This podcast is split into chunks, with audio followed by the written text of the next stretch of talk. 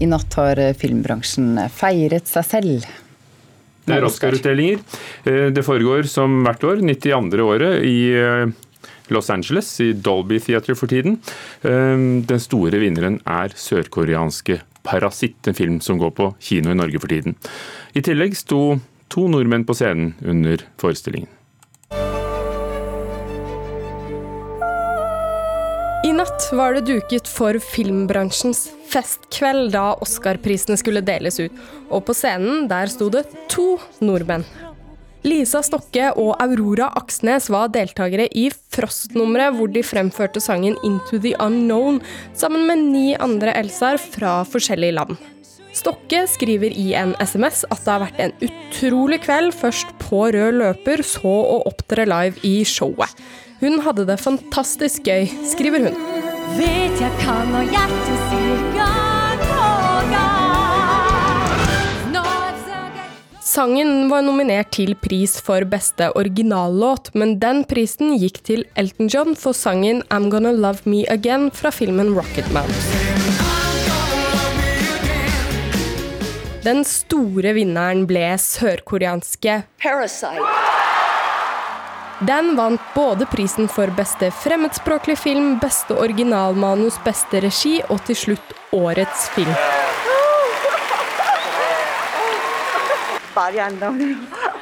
I'm speechless. Det er første gang en fremmedspråklig film vinner årets film. Filmskaper Bong Joon-ho avsluttet sin takktale med å si at han nå skulle drikke til neste morgen. Reporter Maiken Svendsen hadde fulgt med. Sigurd Vik, eh, filmanmelder her i NRK.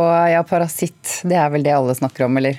Ja, det, det fortjener den i hvert fall å, å, være nå, etter først å ha vunnet Gullpalmen i Cannes i fjor, og nå da blitt historisk med første ikke-engelskspråklige film som vinner Oscar for beste film, i tillegg til at den da fikk tre andre Oscar-statuetter. Og så er det jo en glimrende film, så ja, snakk gjerne om 'Parasitt'. René Selvegger eh, fikk også pris. For meg, hun litt 90-talls. Var det overraskende, eller? Eh, hun var eh, absolutt eh, av de forhåndsfavorittene i skuespillerkategoriene. Hun spiller jo Judy Garland, som er en Hollywood-storhet, og Oscar-akademiet er glad i, i, sine egne, så det var som ventet. Det var også for så vidt Joaquin Phoenix for Joker, Brad Pitt for Once Upon a Time in Hollywood og Laura Dern for Marriage Story, så det var lite overraskelser i skuespillerkategoriene. Kommentator og kritiker i Dagbladet Inger Merete Hobbelstad, du har også sittet oppe i natt. Å ja, med mye Pepsi Max. Brad Pitt eh, har du lyst til å snakke om. Han fikk sin første Oscar han faktisk for skuespillerprestasjonene sine. Ja, det gjorde han. Han har en Oscar fra før, men det er for å være eh, produsent. Eh, og litt av grunnen til at jeg syns det er interessant med Brad Pitt, det er at han har jo på en måte Altså Bong Yon-ho og Par Parasitt de vant jo denne kvelden, men Brad Pitt har på en måte vunnet hele det som kalles prissesongen. Eh, for ikke bare har han rasket med seg alt som har eh, vært av priser i hans eh, kategori, han har også holdt en rekke med ekstremt sjarmerende og vittige eh, takketaler som helt åpenbart har vært nøye tenkt ut, men som ble fremført veldig eh, avslappet og, og tilsynelatende spontant. Eh, han klarte å bli eh, fotografert backstage sammen med ekskona Jennifer Aniston og fikk bare internett til å smelte for et par uker siden, der alle begynte å fantasere om at de to skulle bli eh, sammen igjen. Eh, og litt av grunnen til at dette er, eh, er interessant, syns jeg, det er jo også at dette er jo for det første er det en sånn nok en 90-tallshelt, hvis du vil, som får eh, den kreden han egentlig har fortjent i mange år. Som har vært en veldig seriøs aktør eh, i Hollywood. En dyktig produsent, en veldig god skuespiller når han får rette roller. Eh, og for det andre jo, har jo Brad Pitt noe av et image å rehabilitere. Han har jo vært gjennom en ganske bråkete skilsmisse fra Angelina Jolie.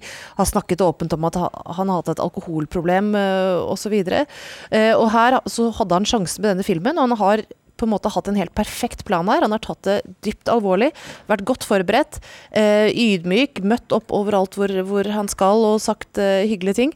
Og så blir det da kronet med hans første Oscar-statuett for det han har viet flere tiår av livet sitt til, og det var jo en tydelig rørt Brad Pitt som sto på scenen i Los Angeles i går kveld.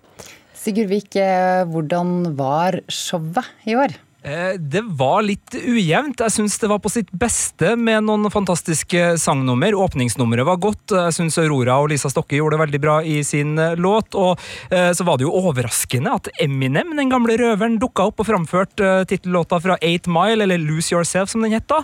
Men å høre Tom Hanks stå og snakke om et museum som skal åpne i desember, jo da, det er, det er forståelig at det gjøres, og, og det er kulturelt viktig, men, men, det gjør jo ikke så mye for showet. Og det var litt sånn uh, dødtid og et par musikalnummer som heller ikke satt helt som det skulle for meg, men, men det er jo en veldig subjektiv dom, da. Hva syns du, Inger Merete Hobbelstad? Eh, nei, Man kan jo si at det var en litt sånn pussig eh, blanding av gammelt og nytt. For her har du jo mye eh, friskt og spennende. Du har altså særlig representert ved 'Parasitt', da, som er en fabelaktig film, og som kommer med å røske med seg alt som er av priser. Og så har du sånne pussigheter som eh, vitner om at de som har satt sammen dette showet, kanskje ikke er helt oppdatert. Det at Eminem plutselig står der og synger 'Lose Yourself' for en film som er 18 år gammel, og, og ingen helt vet hva som gjør der. og, og sånne ting som at man prøver liksom å oppdatere seg, men samtidig ser du at de produsentene her tenker på som stjerner, er ofte de som var stjerner eh, for ganske lenge siden. Og at de holder fast ved sine gamle, gamle måter å, å syn på ting. Men hva slags uh, type filmer peker seg ut nå? Ser du noen tendenser?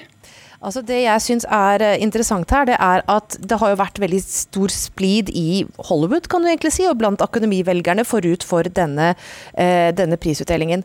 For du har eh, eh, ganske mange som ønsker at eh, Oscar-prisene skal modernisere seg, at de skal bli mer mangfoldige.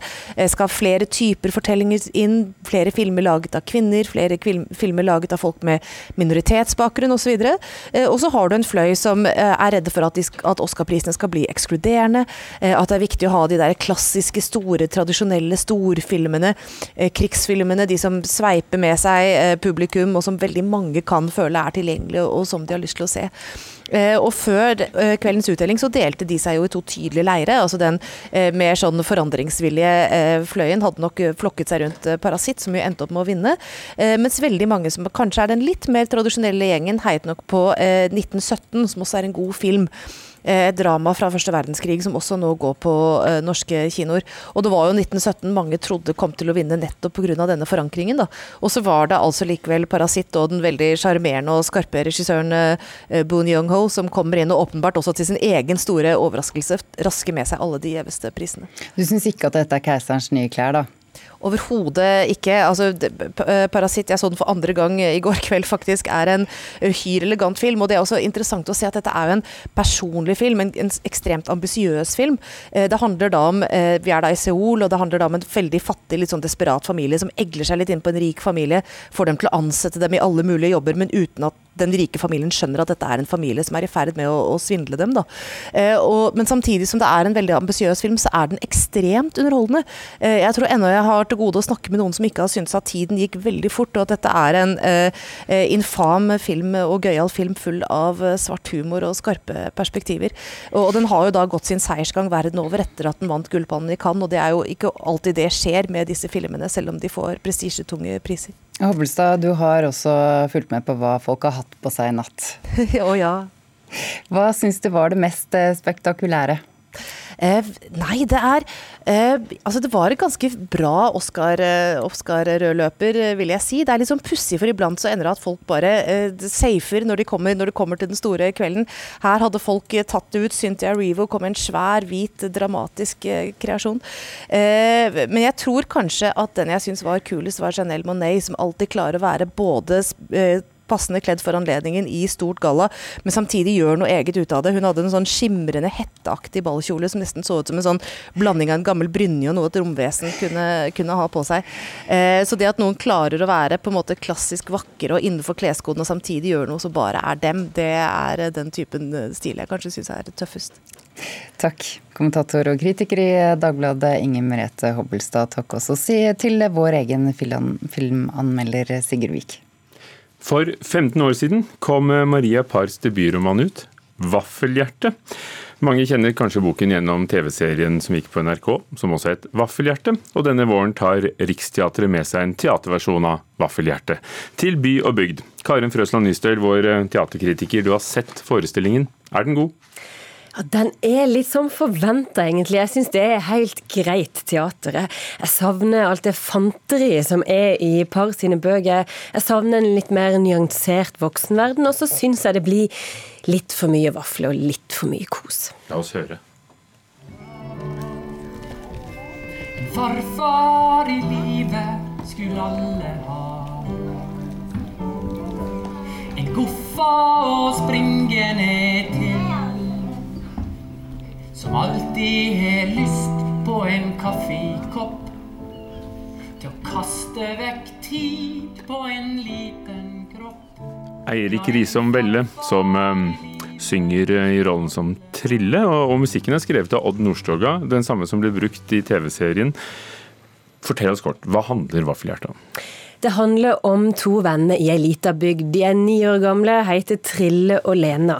Og Handlinga i stykket er konsentrert rundt deres vennskap, og mest av alt det å, vite at du har en venn. Maria Parr hun skriver veldig tett opp mot målgruppa for bøkene, og dette er vel en forestilling som kanskje passer best for de mellom seks og ni, sånn som boka. Det der å, å, vite at man har en venn, og våge å si til noen at 'du betyr noe for meg', 'jeg er glad i deg', 'er du min venn'? Det er liksom Trille sitt store spørsmål, for Lena forteller han aldri det, at de er bestevenner. Og i denne rollen her så er Trille, Eirik Risholm Velle, veldig troverdig i den tumlinga og balinga med de de store spørsmålene som plager han, og som er veldig gjenkjennelig for et barn. Tør den å ta tak i, i de temaene som ligger under der? Det er altså mange parallellhistorier i romanen, og mye av det, ikke alt, men mye av det er flytta over i sceneversjonen. Jeg syns det er litt for mye, sånn at de Nei, de går ikke inn i alt. Det er mange som har noe å miste i denne fortellinga. Og må, noe av det må feies raskt forbi for at alt skal komme med i ei forestilling. Eh, og det går utover voksenkarakterene. De går sjelden inn i det tunge.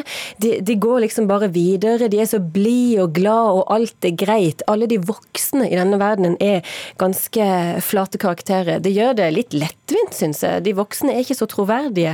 Men samtidig da, så kan man si om dette grepet at det løfter fram barna sine store spørsmål og store balinger, og det som er viktigst for det unge publikum, altså barna sine problemstillinger. Men jeg syns det blir litt for lettvint å, å, å, bare gå forbi det at eh, grandtante dør og lam brenner inne og sånn, at det liksom ikke blir behandla ordentlig. For det kan jo være ganske traumatisk. Du som ja. har vært mye på teater, og mye på teater for unge og med unge. Synes, tror du at barn gjerne skulle ha mer å, å bite i? Når de ser, ser, forestillinger som denne? Det kan godt få mindre kos, for akkurat det med kos, det, det er det får de på en måte nok av. Altså, barna trenger å gå inn i de store spørsmålene og kjenne på de. Og takket være Trille, da, Eirik Risholm Velle, så, så, får de blitt med på den reisa inn og kjent på det der savnet, lengselen, spørsmålene rundt det å ha en venn. Maria Pares bøker, for dem som har lest dem, forbindes ofte med naturen på Sunnmøre. Ja. Ser du det på scenen hos Riksteatret òg? Ja, Det er ikke sånne spisse sunnmørsalper, men det er en ganske monumental konstruksjon på scenen som kan være både hus og fjell. Men selve, selve stykket, selve regien, gir egentlig ikke plass til all den leiken som er i boka. Det er plass til en artig aketur, men det er egentlig det som er, da. Eh, det sunnmørske ivaretas rett og slett av Ørsta-dialekta til Eirik Risholm Velle, og den klinger godt med par sitt språk. Det er noe med, det er noe med nynorsken til par og tonen der som er aller best på ei, ei vestnorsk dialekt som tål, har tålt litt vær og vind. Riksteatrets Vaffelhjerte har premiere i Ålesund 13.2, og så spiller, spilles den rundt omkring til og med 16. mai. Er det en god forestilling? Det, er, som sagt så syns jeg det er litt for mye kos, nesten litt tannløst innimellom, men trillekarakteren gjør at det er noe å hente der for barna, og sånn sett så tenker jeg at det kan være verdt å få med seg. Takk. Karin Frøsland Nystøl, og så kan alle anmeldelsene leses på nrk.no, selvfølgelig.